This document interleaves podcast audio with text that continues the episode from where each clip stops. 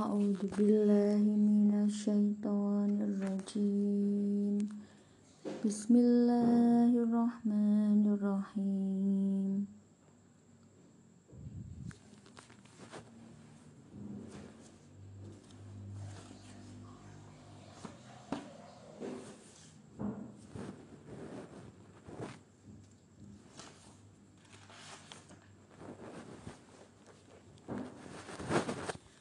الحمد لله الذي أنزل على عبده الكتاب ولم يجعل له عوجا قيما لينذر بأسا شديدا من لدنه ويبشر المؤمنين ويبشر المؤمنين الذين يعملون الصالحات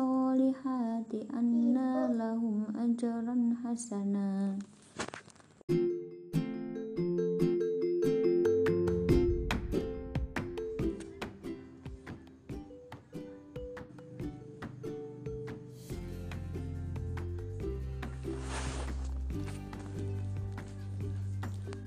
Assalamualaikum warahmatullahi wabarakatuh Ketemu lagi dengan saya Yuli Nada.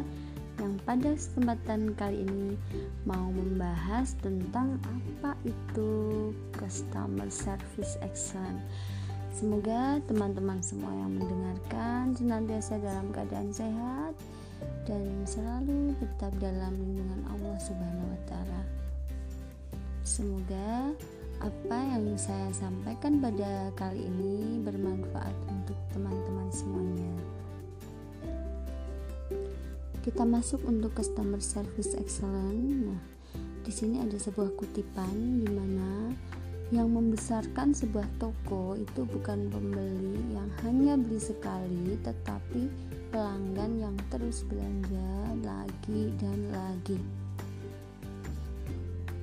Nah, hal yang tidak kalah penting selain mencari pembeli adalah mempertahankan pembeli dan mengubah mereka menjadi pelanggan yang loyal. Bukan hal yang mudah ya, tetapi selama kita mau mengeluarkan usaha yang maksimal untuk memberikan pelayanan terbaik untuk setiap pembeli, insya Allah tidak akan butuh waktu lama hingga memiliki banyak sekali pelanggan setia.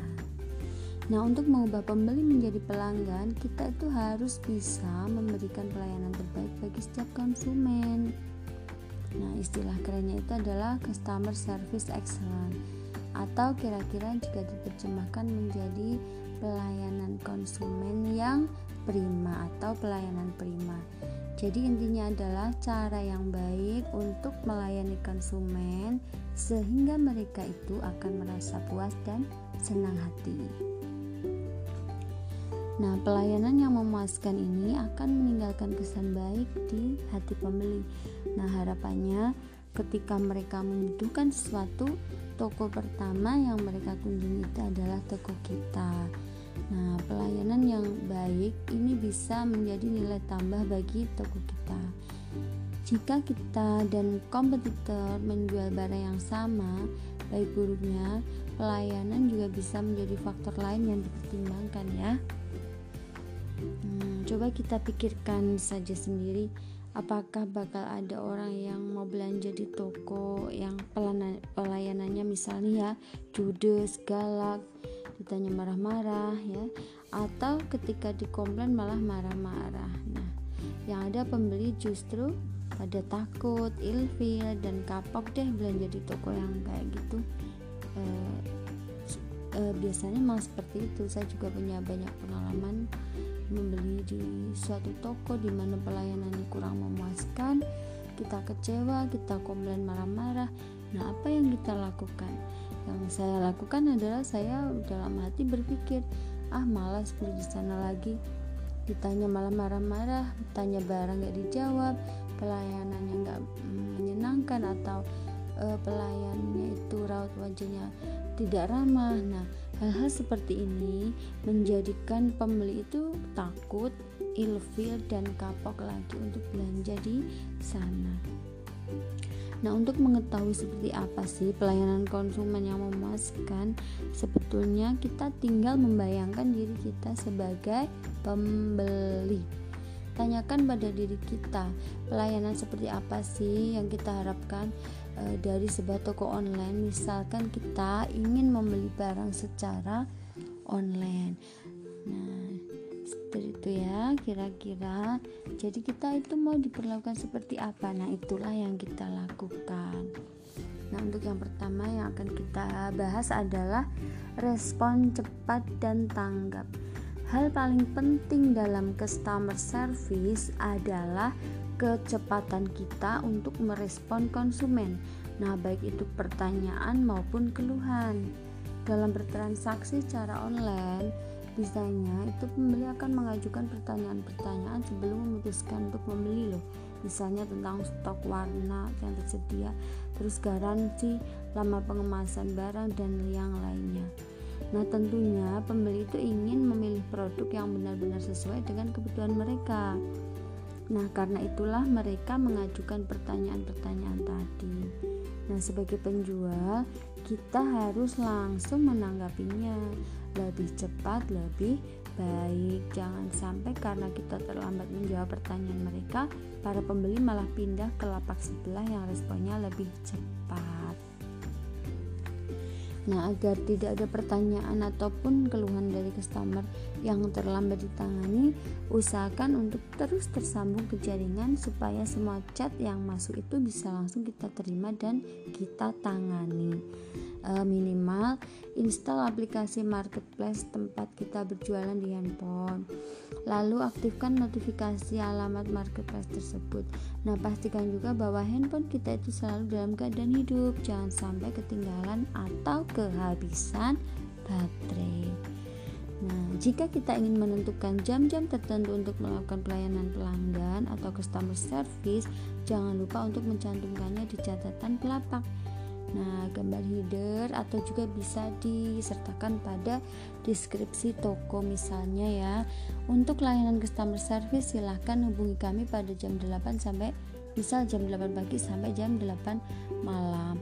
Nah, gunakan juga auto chat jika di market di marketplace itu uh, yang kita gunakan tersedia fitur tersebut atau fitur auto chat ya.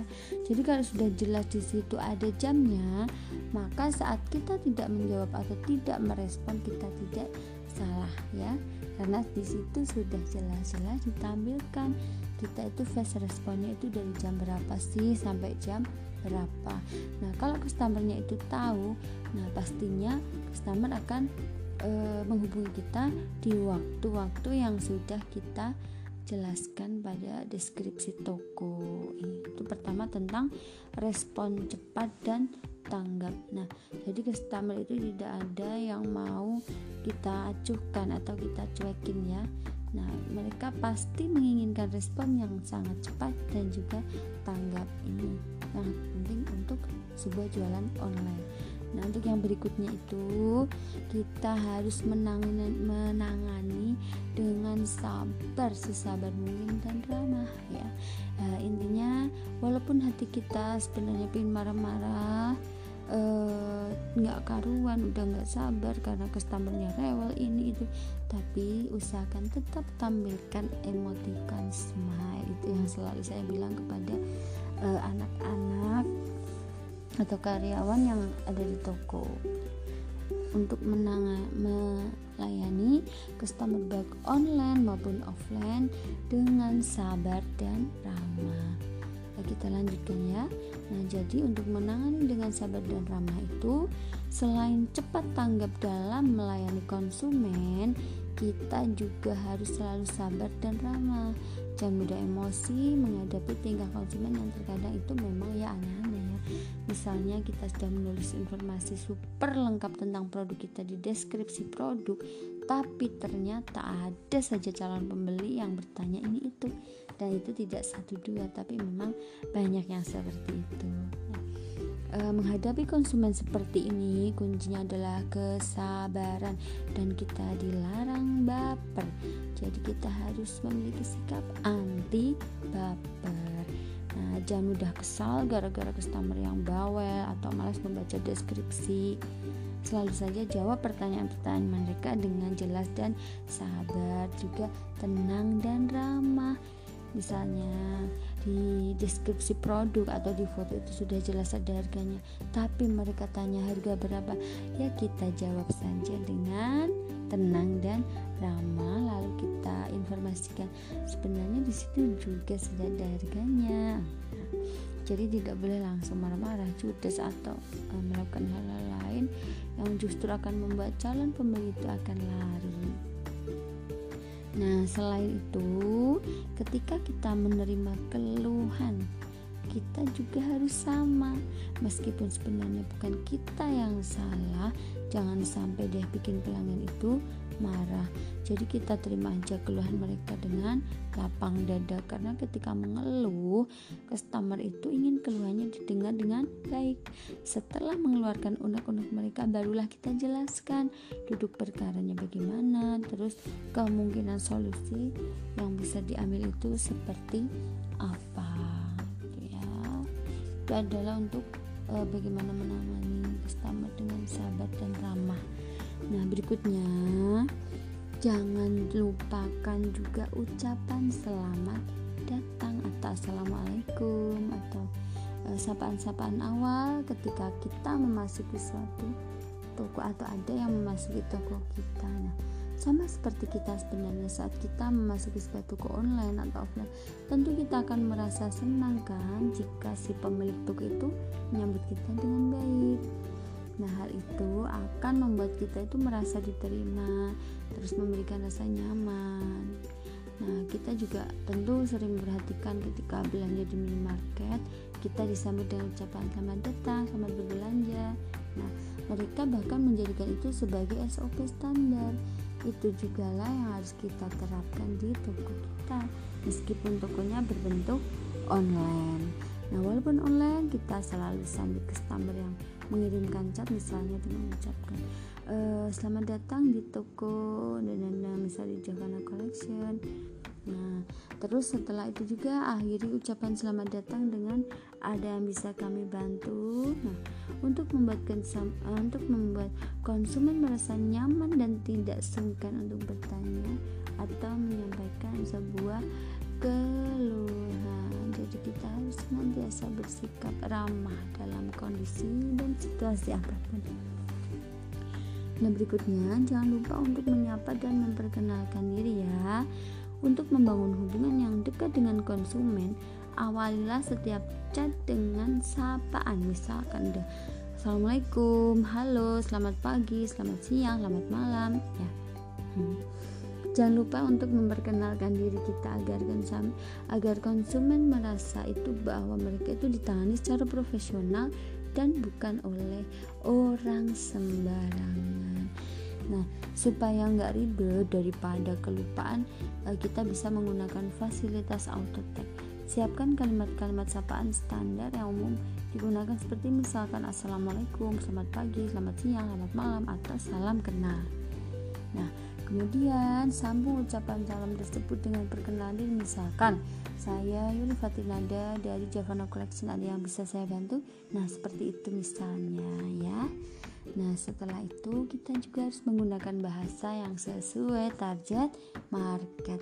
Tidak selamanya kita harus menggunakan bahasa yang serba formal ketika berkomunikasi dengan konsumen supaya bisa lebih akrab dan menghilangkan kecanggungan kita e, kita juga bisa menyesuaikan bahasa yang kita gunakan dengan target pasar kita. Misalnya ketika melayani pembeli yang masih muda nah tentu sah-sah saja jika kita menggunakan kata-kata yang lebih santai lebih gaul ya.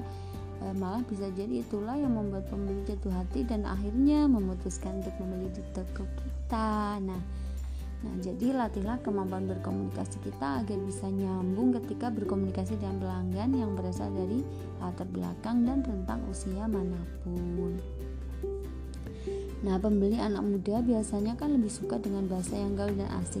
Sedangkan orang tua itu biasanya lebih senang ketika dilayani dengan lembut dan dengan penuh sopan santun.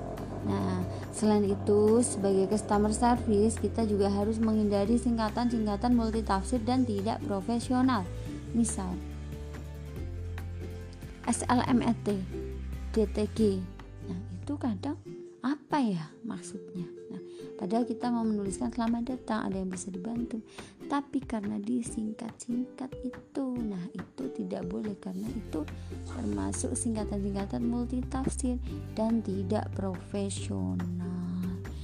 Nah, tidak ada sulitnya untuk menuliskan pesan kita kepada pembeli dengan lengkap dan benar, ya kan? Nah, jangan menggunakan kalimat yang penuh singkatan karena belum tentu semua pelanggan mengerti apa singkatan-singkatan itu sih biasanya pembeli malah salah mengartikan uh, pesan yang uh, kita kirim gara-gara bahasanya itu yang itu kadang terlalu alay membingungkan. Nah, selain itu jelas penggunaan bahasa yang disingkat akan membuat tubuh kita terlihat kurang profesional ya. Nah jadi selalu hargai customer sebagai klien yang berhak mendapatkan pelayanan yang terbaik. Nah yang paling penting ini dilanjutkan lagi ya itu kita mengakhirinya dengan terima kasih. Salah satu aspek penting dalam customer service customer service excellent adalah sopan santun. Ya tangani pelanggan dengan kata uh, tata krama dengan etika yang baik ya. Contoh yang paling penting dan sederhana adalah mengucapkan terima kasih. Nah saat kita mendapatkan stroke nah setelah itu ucapkanlah terima kasih kepada pembeli ya. Kita ucapkan kepada mereka terima kasih sudah berkunjung. Hmm. Apalagi jika mereka itu melakukan pemesanan misalnya Terima kasih atas kepercayaan Anda berbelanja di YouTube kami. Pesan Anda akan segera kami proses. Nah, jika pembeli batal berbelanja, kita bisa mengatakan terima kasih atas kunjungan Anda ke lapak kami. Jika Anda membutuhkan sesuatu, jangan sungkan untuk menghubungi kami ya. Nah, seperti itu. Kita secara garis besar sudah tahu bagaimanakah bentuk dari gamis uh, ya,